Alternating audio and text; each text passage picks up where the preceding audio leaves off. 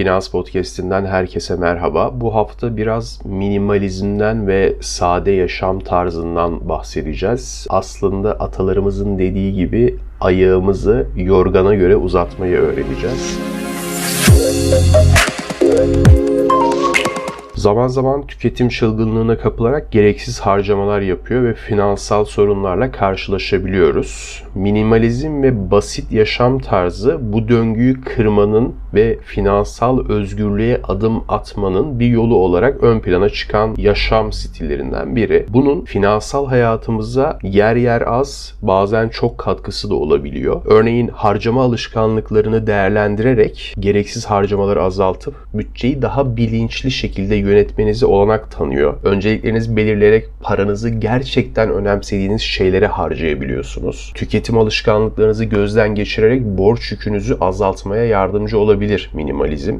Daha az şeye sahip olmak daha az borçlanmanızı gerektirir ve dolayısıyla finansal özgürlüğe daha hızlı ulaşmanıza olanak tanır. Bu konuda eğer farklı bir gündemim olmazsa haftaya borç ve krediler hakkında daha kapsamlı bir bölüm hazırlamak istiyorum. Başka bir şey girerse sonraki haftalarda olur ama yine sadece bu konu özelinde bir anlatmak ve ele almak istiyorum. Minimalizm yine tasarruf ve yatırım imkanları sağlayabilir. Basit yaşam tarzı aslında bu basit ifadesi daha çok sade anlamına geliyor. Daha az harcama yapmanızı sağlayıp tasarruf etmenize olanak tanıyor. Bazı tasarrufları yatırıma dönüştürerek geleceğe daha güvenli bir şekilde hazırlanabilirsiniz. Bunu nasıl yapabilirsiniz? Örneğin tüketim alışkanlıklarınızı gözden geçirebilirsiniz. Gereksiz alışveriş alışkanlıklarınızı belirleyin ve bunları azaltmaya çalışın. Çok basit bir taskla başlayabilirsiniz. Sadece gerçekten ihtiyacınız olan şeyleri satın aldığınız bir dönem deneyin mesela. Eşyaları azaltmayı değerlendirebilirsiniz. Evdeki gereksiz eşyaları belirleyin ve bunları bağışlayın veya ikinci el olarak satarak evinizi basitleştirin. Daha az eşya, daha az stres demek aynı zamanda. Gerçekten boş bir alan görmek evde çok tıklım tıkış bir alan görmekten daha huzur verici bir şey. İkisini de denemiş ve yaşamış birisi olarak bunu söylüyorum. Daha sade bir yaşam sürmeye çalışabilirsiniz. Daha az karmaşa ve daha az yoğunlukla dolu bir yaşam tarzı benimseyerek doğaya daha fazla zaman ayırıp basit zevklerin tadını çıkarmayı deneyebilirsiniz. Aslında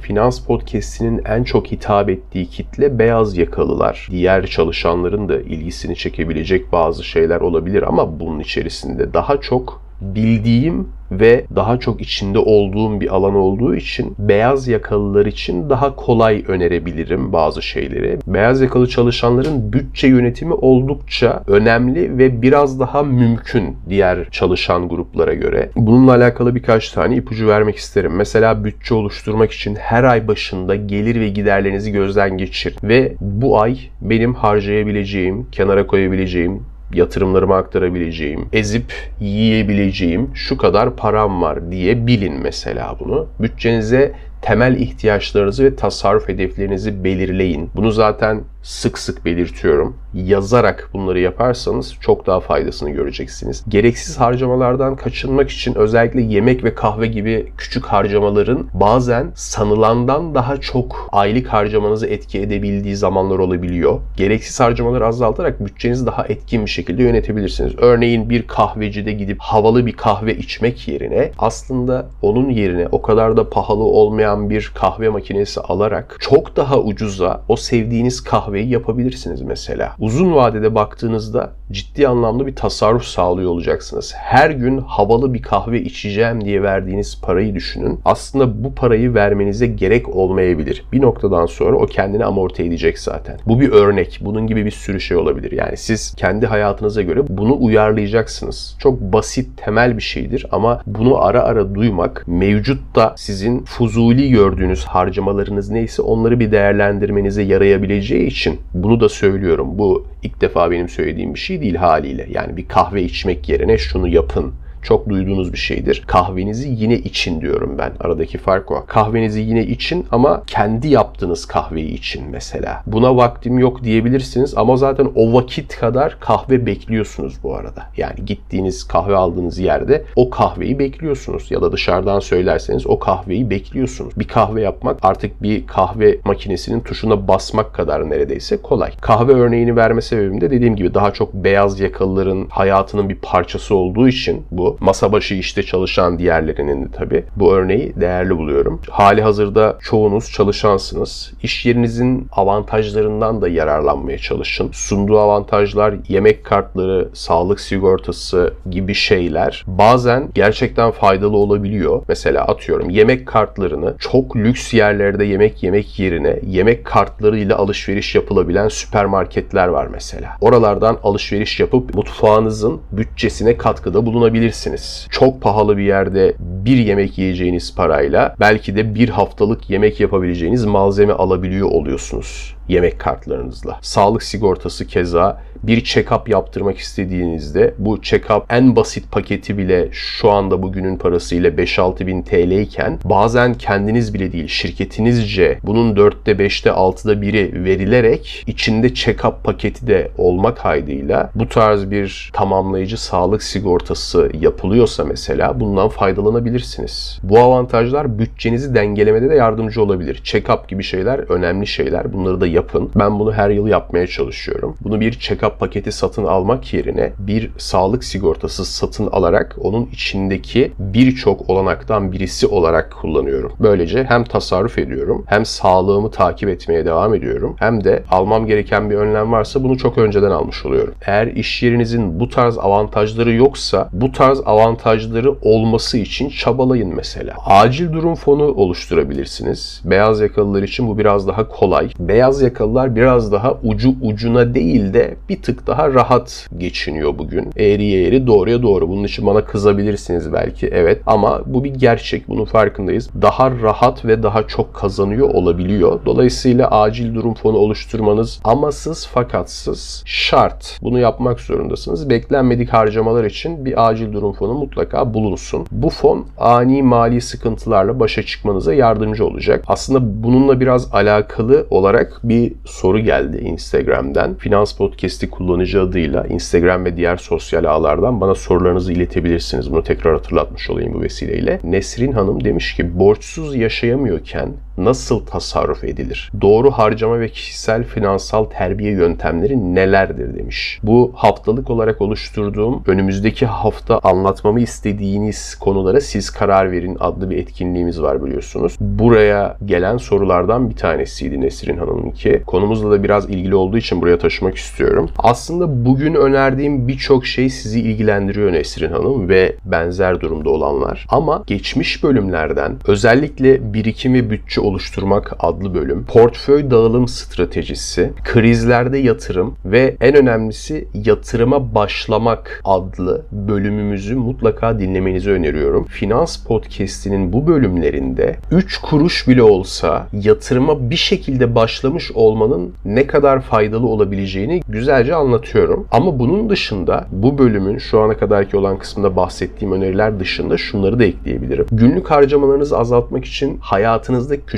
değişiklikler yapmanız gerekiyorsa nelerin üstesinden gelebileceğinize bir bakın. Yani şunu yapmak yerine aslında bunu yaparsam benim için daha avantajlı, kenara para ayırabiliyorum diyebileceğiniz ne varsa bu kişiden kişiye göre değişebileceği için spesifik bir örnek vermeye gerek yok. Kahve örneğini verdik ama sizin kendi hayatınızda kendi bileceğiniz bazı harcamalarınız var. Bunlardan kısabilirsiniz. Kısabilecekleriniz varsa. Borç harç içinde yüzüyorsanız önce borcunuzu ödemeye sonra yatırım yapmaya odaklanmanızı ben tavsiye ediyorum. Kredi kartı borcunuz varsa mümkün olduğunca hızlı bir şekilde bundan kurtulmaya bakın. Faiz ödemek uzun vadede daha fazla para kaybetmenize neden olabilir. Yani enflasyonun altında bile olsa ödediğiniz faiz bir şekilde borç psikolojisinden ve borçlu olmaktan kurtulmanızı tavsiye ederim öncelikle. Daha sonra yatırım yapmak, daha sakin kafayla, daha akılcı yatırım yapabilmek için önce prangalar gibi size yapışmış olan o borçlarınızdan kurtulmanız daha mantıklı. Şöyle düşünün. Batan bir gemidesiniz diyelim ki ama arkadaşınızla da tavla oynamak çok hoşunuza gidiyor ve bu gemi batarken o tavlanın bitmesini sağlamak için uğraşmak çok gerekli bir uğraş değil. Yani bu saçma. Eğer bir gemi batıyorsa önce batacak olan gemiyi bir kurtarıp sonra tavla oynamaya devam etmek ve bunun keyfini çıkarmak daha mantıklı diye düşünüyorum nacizane. Büyük satın alımlar yapmadan önce fiyatları ve özellikleri karşılaştırın. Bugün bir sürü fiyat karşılaştırma sitesi var. Bunlardan reklam değil ama birkaç tane örnek verebilirim. Akakçe var, Cimri var, Epey var. Bu siteler üzerinden bir fiyat karşılaştırması yaparak alacağınız ürün onlarca mağazadan hangisinde daha ucuzmuş onu görebiliyorsunuz ve daha da güzeli geçmiş fiyat değişimini görebiliyorsunuz. Bazısında şöyle bir şey var. Yapay zeka ile gelecek 15 günde fiyatı ne olabilir diye bir çıkarımda bulunanlar var mesela bu sitelerden. Her üründe var mı bilmiyorum ama bazılarına denk geldim buna. Ürünün geçmiş performansına bakarak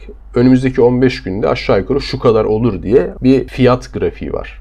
Ne kadar doğru çalışıyordur hiç sağlamasını almadım ama bu tarz siteler size değişik alışveriş sitelerinden ve pazar yerlerinden onlarca bazısında yüzlerce fiyatı bir araya getirip harmanlayıp hangisi daha avantajlıysa onu üste göstererek sizi bir güzel bir yönlendiriyorlar önce. Hatta gittiğiniz yerde pazar yeri ise farklı satıcılardan daha farklı fiyatlarla satın alma imkanları olabiliyor. Mesela bugün bir indirime giren bir ürün varsa o pazar yerinde bir satıcı daha ucuza satmaya başladıysa bu fiyat karşılaştırma sitelerine saniyesinde yansımayabileceği için o gittiğiniz yerde de farklı satıcılar arasında biraz scroll ederseniz masaüstü ya da mobil fark etmez. Size aynı ürünü diğer satıcılardan da gösteriyor. Çoğu pazar yeri bu şekilde çalıştığı için hani herhangi bir yerden bahsetmiyorum. Yanlış anlaşılmasın. Size o alternatifler arasından seçme olanağı sunuyor. Bu tür küçük detay gibi görünen şeyler ard arda eklendikçe bir yıllık harcamalarınızı baz aldığınızda belki %30, %40 avantaj sağlayacak size atıyorum. Bu %30, %40 da sizin normalde elinizde olmayacak bir para olacağı için siz bununla yatırım yapabiliyor olacaksınız. Böyle küçük detaylara dikkat ederek aslında bir yerinden başlayabiliyorsunuz. Çok zor değil inanın. Bunu yaptıktan sonra her ay borçlarınızdan da kurtulduğunuzu varsayıyoruz. Otomatik olarak bir tasarruf hesabı açıp oraya belli bir miktar para aktarıp orada büyümesini sağlayabilirsiniz. Bu tasarruf hesabı dümdüz mevduat hesabı olmasın tabi. Bunu bir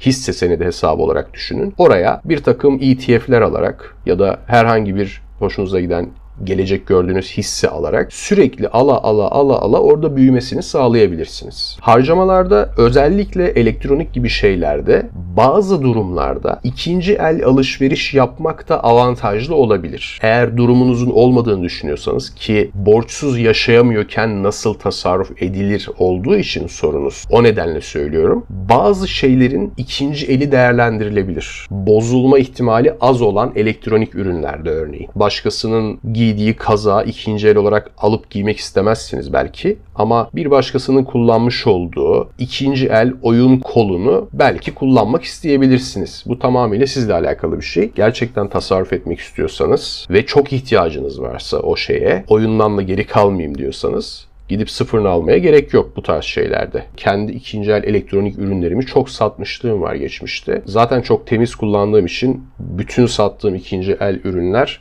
sıfırdan neredeyse farksız oluyor görünüm olarak. Kondisyon olarak da çok bozulabilen şeyler değildi geçmişte sattığım bu ikinci el ürünler. Dolayısıyla alan kişi de ben bunu almamalıyım gibi bir düşünceye sahip olmadı hiçbir zaman yani. Sanırım Nesrin Hanım'ın sorusuna tatmin edici bir cevap verdim diye düşünüyorum. Yine aynı Finans Podcast'i Instagram etkinliğinde Mustafa Bey şunu sormuş. Her şey tepede borsa, altın, Nasdaq vesaire. Gelecek haberler kötü, sıkılaşma ve benzeri. 500 bin TL nakit olsa ne yapardın diye bana sormuş. Ne yapacağımı portföy dağılım stratejisi bölümünde anlatmıştım. Geçtiğimiz hafta da e-postadan gelen bir soruya verdiğim çok kapsamlı bir yanıt vardı. Bu ikisi aslında bunun cevabı ama yine de şöyle kısa bir özet geçiyorum. Her şey tepede bile olsa hepsini tek seferde basmamak kaydıyla ben düzenli olarak alım yapmaya devam ederdim. Ki şu anda hem Borsa İstanbul hem Nasdaq tepe noktalarında ama ben hala her ay hatta bazen hafta içi elime geçen meblağlar da dahil olmak üzere sürekli gelecek gördüğüm sektörlerden ve hisselerden alım yapmaya amansızca devam ediyorum. Çünkü ben bunu bir hafta sonra, 3 ay sonra, 5 ay sonra, 1 yıl sonra bozmak niyetiyle almıyorum. Ben uzun vade yatırımcısıyım. Uzun vade yatırımcısı olduğum için de bugün bu saydığınız her şeyin en tepe noktasında olduğu bu dönem aslında 3-4 yıl, 5 yıl sonra baktığımız zaman oradan bakıldığında ha bugün almışsınız, ha bir ay sonra almışsınız, ha iki ay sonra düzeltme yaptığında mesela, yapacak demiyorum da mesela o zaman yaptığında aldınız ya da seçimden bir gün önce 5 gün sonra aldınız. Hiç önemi yok. 3 yıl sonra baktığınızda orada hafif dalgalanmalar olan bir grafik göreceksiniz. Çok da bir önemi kalmıyor. Siz eğer kısa vadeci ya da spekülatif bir yatırımcıysanız zaten yatırım podcast'i dinlemenize gerek yok. Siz daha çok grafik okuyup geleceği görmeye çalışacaksınız. Grafikler her zaman doğruyu söylemez. Geçmiş her zaman geleceğe ışık tutmayabilir. Bazen yanıldığı olabilir ve insan psikolojisi, o ülkedeki o günkü durumlar, bir hafta sonra borsanın nerede olacağı gibi belirsizlikler çok fazla değişkene sebep oluyor. E dolayısıyla bunlar kısa vadede çok riskli işlemler olduğu için biz daha çok orta ve uzun vadeye odaklandığımızdan dolayı doğrudan size cevap vermek gerekirse Mustafa Bey Bey sadece dolar maliyet ortalaması yaparak satın alıyoruz her kademeden satın alıyoruz. Düşükten aldığımız gibi yüksekten de alıyoruz. Böylece günün sonunda elimizde bir ortalama fiyatla alınmış şey oluyor tırnak içerisinde. O şey artık Borsa İstanbul'da olabilir, altında olabilir, Nasdaq'ta olabilir, kripto da olabilir. Onu yazmamışsınız gerçi ama yani her şey olabilir. Bu verdiğiniz örnekteki 500 bin TL'nin nakitte durması dışında her şeye okeyim. Ama nakitte durması beni rahatsız edip kıllandırır aslında. İşin özü bu. Bu bu soru cevap etkinliğinden buraya taşımak istediğim ve başkasının da faydalanabileceğini düşündüğüm iki soru buydu. Siz de bunlara her hafta katılabilirsiniz. Bunun için Instagram'dan takip edebilirsiniz. Şimdi mesela Nasdaq'ta teknoloji hisseleri falan da tavan gidiyor biliyorsunuz. Mark Zuckerberg'ün hatta geçtiğimiz hafta Vision Pro incelemesi vardı. Apple'ın bir ürünü olan Vision Pro'yu inceleyip kendi ürünü olan gözlükle kıyaslamıştı ve aslında hangisinin hangi konuda avantajlı, hangisinin daha gereksiz pahalı olduğu olduğu gibi konulara değinmişti. Ben bir iflah olmaz Apple kullanıcısı ve aslında birçok kişiye de her alanda bunu empoze etmeye çalışan birisi olarak Mark Zuckerberg'ün bu videosunu takdir ettim. Gerçekten de birçok noktasına katılıyorum. Vision Pro gözlüğü eğer zaten görmemeniz mümkün değil ama hani çok bilginiz yoksa bir sanal gerçeklik gözlüğü. Gözlüğü taktığınızda hem arkasını görebiliyorsunuz hem de önünüzde birkaç sanal ekran oluyor. Onlarda film de izleyebilirsiniz webde de gezinebilirsiniz gibi bir takım şeyler yapıyorsunuz ve bu Amerika'da 3500 dolardan satışa çıkmıştı. E, Zuckerberg'ün ürünü de 500 doların altında olan bir ürün. Biz bu fiyata satabiliyorken bunun kat kat pahalısı olarak Vision Pro'yu alarak elimize ne geçiyor gibi bir açıklaması vardı. O videoyu da kendi gözlüğü olan Meta Quest ile çekmişler mesela. Samimi olması planlanan bir görüntü bu. Olabildiği kadar da olmuş. Bu tarz teknolojilerin kabullenilmesi zaman alır. Evet. Bir noktada fiyatı da makulleşir. Her ne kadar MetaQuest'in çok makul bir fiyat olsa da Türkiye'ye geldiğinde bunların üstüne tabii vergileri mergileri falan binince epey bir fiyat olabiliyor. Bu Vision Pro'yu mesela Türkiye'ye daha henüz resmi yollarla gelmediği için getirtenler 150-200 bin TL'ler ödeyerek bu gözlüğü aldılar. Normalde 3500 dolar bugün 110 bin liranın biraz aşağısı. Haliyle getiren kişi de ona bir üstüne bir kar ekliyor. Bir tane de kendine alıyor diyebiliriz aslında. Bu tür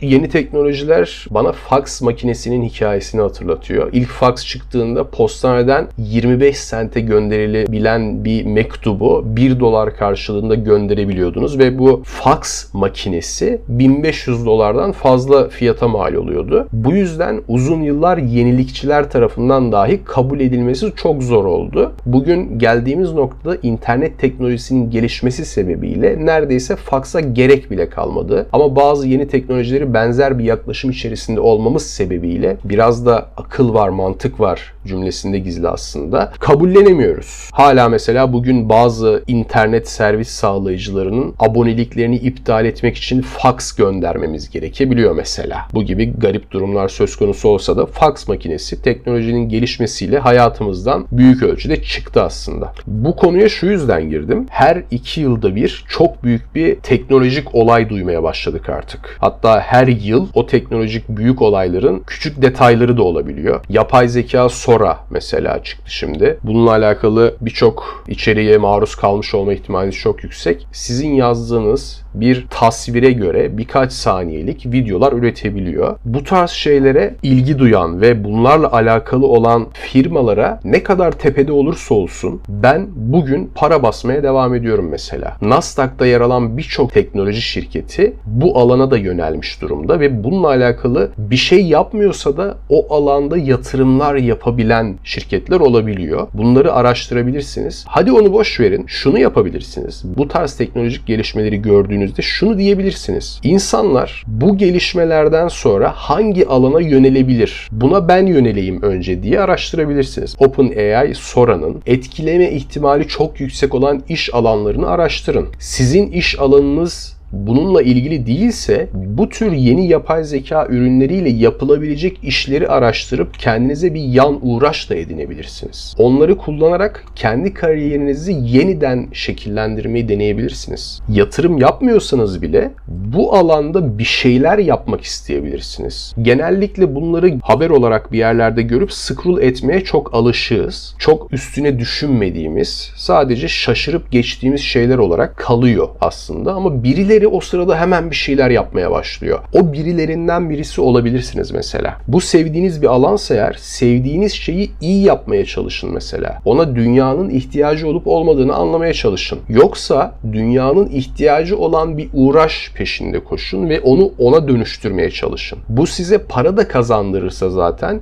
Japonların ikigai dediği yaşama amacına ulaşmış oluyorsunuz. Sevdiğiniz ve iyi yaptığınız şey sizin tutkunuz oluyor. Sevdiğiniz ve dünyanın ihtiyacı olan şey göreviniz haline geliyor. E, dünyanın ihtiyacı olan ve size para kazandıran şey yeteneğiniz doğal olarak. Para kazandığınız ve üstesinden iyi gelebildiğiniz, gerçekten başarılı olduğunuz şey de sizin uzmanlık alanınız oluyor. Denklem bu kadar basit. Bu yeni teknolojileri adapte olarak Bunları nasıl kendi hayatınıza dahil edip bunlardan nasıl fayda elde edebileceğinize bakın. Yapay zeka artırılmış gerçeklik gözlüğü içerisinde bir uygulama yazın demiyorum size. Ama bu hangi ihtiyaçları doğurur? Buna bakın. Ya da bu alanda kimler yatırım yapıyor? Ben de bu firmalara yatırım yapayım. Onlar benim için çalışsın. Ben çalışmayacaksam onlar en azından bana çalışsın gibi düşünebilirsiniz. Veya video yapay zekayı ben nasıl hayatıma dahil edebilirim? Bu herkese açıldığında, herkes çatır çutur promptlar girerek bir takım videolar üretmeye başladığında ben bundan nasıl fayda elde ederim diye şimdiden çalışmaya başlamanız lazım. Yarın değil. Bugün mümkünse şu anda başlamanız ve bunun üzerine kafa yormanız lazım en azından. Notlar almaya başlamanız lazım. Bu şunu doğurur.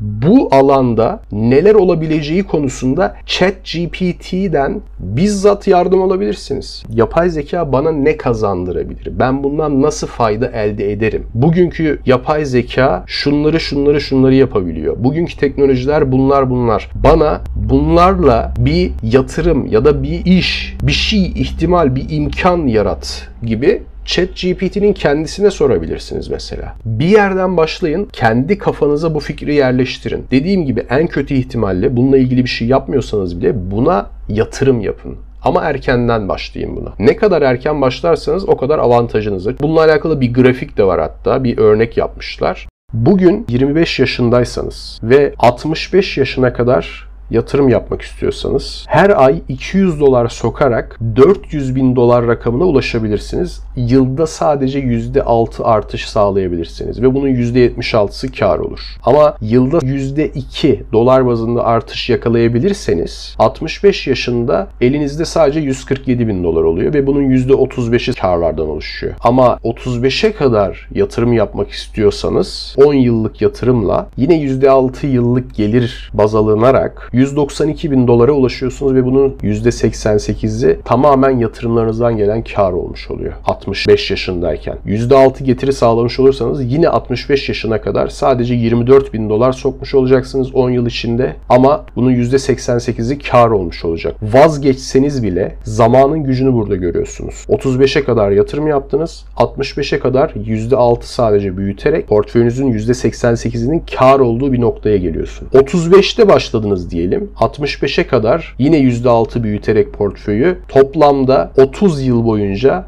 72 bin dolar sokmuş olduğunuz içeriye portföyünüz 201 bin dolar oluyor. Bunun %64'ü yatırımlarınızdan gelen karlar oluyor. Yani 10 yıl farkla neredeyse portföy iki katına çıkıyor. 201 bin yerine 393 bin oluyor. 25 yaşında başlarsanız 30 yıl yerine 40 yıl yatırım yapmış olursanız iki katı bakiyeniz olmuş oluyor. Ve bunu sadece 24 bin farkla elde etmiş oluyorsunuz. O yüzden Warren Buffett gibi çok uzun yaşayan insanların portföyleri çok fazla katlanmış oluyor haliyle. Bu nedenle size sürekli ne kadar erken başlarsanız o kadar iyi diyorum. Ama 40, 45, 50 yaşındaysanız bile bunun için geç değil. Hala yatırımlarınıza para ayırıp tasarruf edip bunun katlanışını görmek için zamanınız olacak. 40'tan hatta 45'ten 65'e kadar yine 20-25 sene var yani. Bu az bir zaman değil. Sadece 5 senede bile portföyler nereden nereye gelebiliyor. Dolar bazında bile çok ciddi artışlar gerçekleşebiliyor. Özellikle düşüş dönemlerini çok güzel yakalamanız lazım. Düşüş dönemlerinde mümkün olduğunca çok fazla para portföye sokabiliyorsanız artışta da çok güzel meyvesini yiyor oluyorsunuz. Ben mesela bugün artış zamanı olsa bile o artışı gördüğüm halde içeri para sokmaya devam ediyorum ama geçmiş portföyümün verdiği güçle o portföy öyle bir artıyor ki buna bunu bilsem dahi ben bile şaşırıyorum hala. Hazine ve Maliye Bakanı'nın geçtiğimiz hafta fiyat istikrarını 2028'de sağlamış olacağız açıklaması olduğuna dair haberler görmüşsünüzdür. Hazine ve Maliye Bakanlığı bununla alakalı bir tweet attı. 2026 yılına kadar fiyat istikrarını sağlamış olacağız ifadesi kullanılmıştır aslında diye. Simültane tercümede yaşanan hata nedeniyle 2026 yılı 2028 yılı olarak medyada yer almıştır dedi ve onu düzeltti. Bu en az 2 yıl daha süreceği resmi ağızlarca kabul edilen ekonomik gidişatı en azından kendiniz ve aileniz için avantajı çevirmek elinizde. Nasıl yapacağınızı da bedava anlatıyoruz. Daha ne yapalım yani? Banka hesabınızı ele geçirip oradan mı yapacağız? Biraz girişken olup bunu yapmanız lazım. Hala başlamadıysanız. Minimalizm ve basit yaşamı değerlendiriyoruz. Bu haftadan çıkardığımız notlar. Beyaz yakalıysanız ya da ona benzer bir pozisyonda çalışıyorsanız sizin için bütçe yönetimi yapabileceğiniz ekstra şeyler neler? Bunlardan bahsettik. Teknolojik gelişmelerden bahsettik. Artırılmış gerçeklik gözlükleri ve video yapay zekayı ele aldık. Bunlarla alakalı bir yatırım yapmak istiyorsanız neler yapabileceğinizi konuştuk. Erken başlamanızın ne kadar önemli olduğunu konuştuk. Ve bu kötü gidişatı avantajı çevirmek için en az 2 yılınızın daha olduğunu gördük. Ben bu kriz dönemlerini avantaj olarak gördüğüm için fiyat istikrarı olana kadar en az 2 yılınız var. Bir de Fox'tan bahsetmiştik. Bu bir kitapta okuduğum birazdan size ileteceğim metni aklıma getirdi yine. Şimdi bu yapay zeka ürünler aslında hiç yaygınlaşmayacak gibi düşünüyor olanlar için de bunu da aktarmak istiyorum. Bazı trendlerin artık hiç hayatımızdan çıkmayacakmış gibi hayatımızın olağan akışı haline gelmesi yıllar alabilir.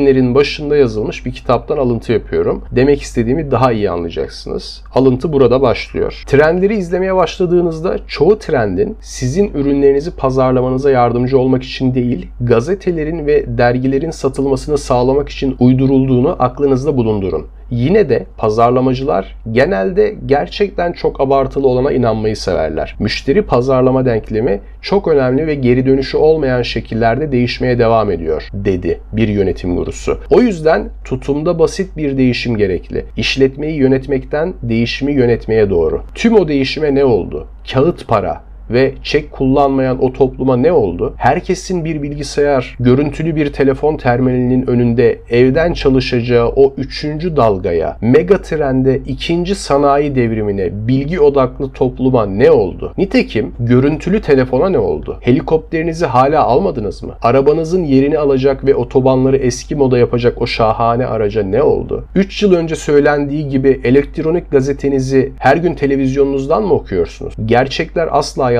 trendleri desteklemez. Gelecek her zaman bir sonraki tepenin ardındadır diyor kitap. Buraya kadarki kısımda o şu ne oldu, bu ne oldu, hani nerede falan gibi söylenen o aslında hiçbir zaman trend olmayacakmış gibi alay edilen şeylerin bugün baktığımızda hepsinin hayatımızın vazgeçilmez bir parçası olduğunu görüyoruz. Herkesin bir bilgisayarı var. Herkesin bir görüntülü telefonu var. Herkesin evden çalıştığı bir dönem yaşandı ve çoğu kişinin hala evden çalıştığı bir dönemdeyiz. Bilgi odaklı toplum tam olarak biziz artık. Görüntülü telefona ne oldu diye dalga geçmiş mesela. Görüntülü olmayan telefon yok artık. Elektronik gazetenizi her gün televizyonunuzdan mı okuyorsunuz diye sorduğu yerde bir ufak farklılık var. Televizyondan okunmuyor. Artık onun yerine dijital haber siteleri ve sosyal ağlar aldı aslında. Burada kağıt para ve çek kullanmayan topluma ne oldu dediği kısımda da ben en son ne zaman kağıt parayla alışveriş yaptığımı hatırlamıyorum mesela. O da tamamen hayatımızdan çıkmış. En azından kendi özelimde o şekilde. Burada bahsedilen aslında olmayacakmış gibi yerden yere vurulan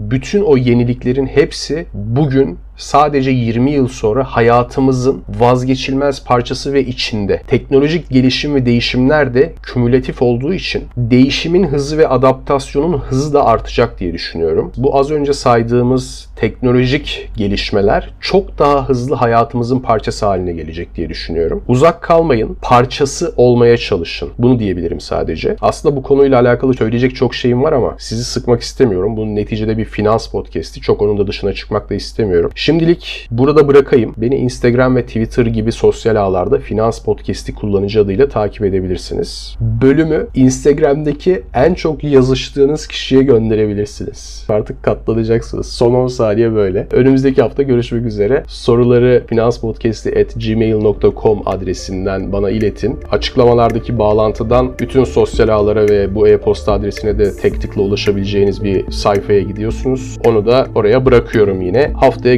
görüşmek üzere, hoşçakalın.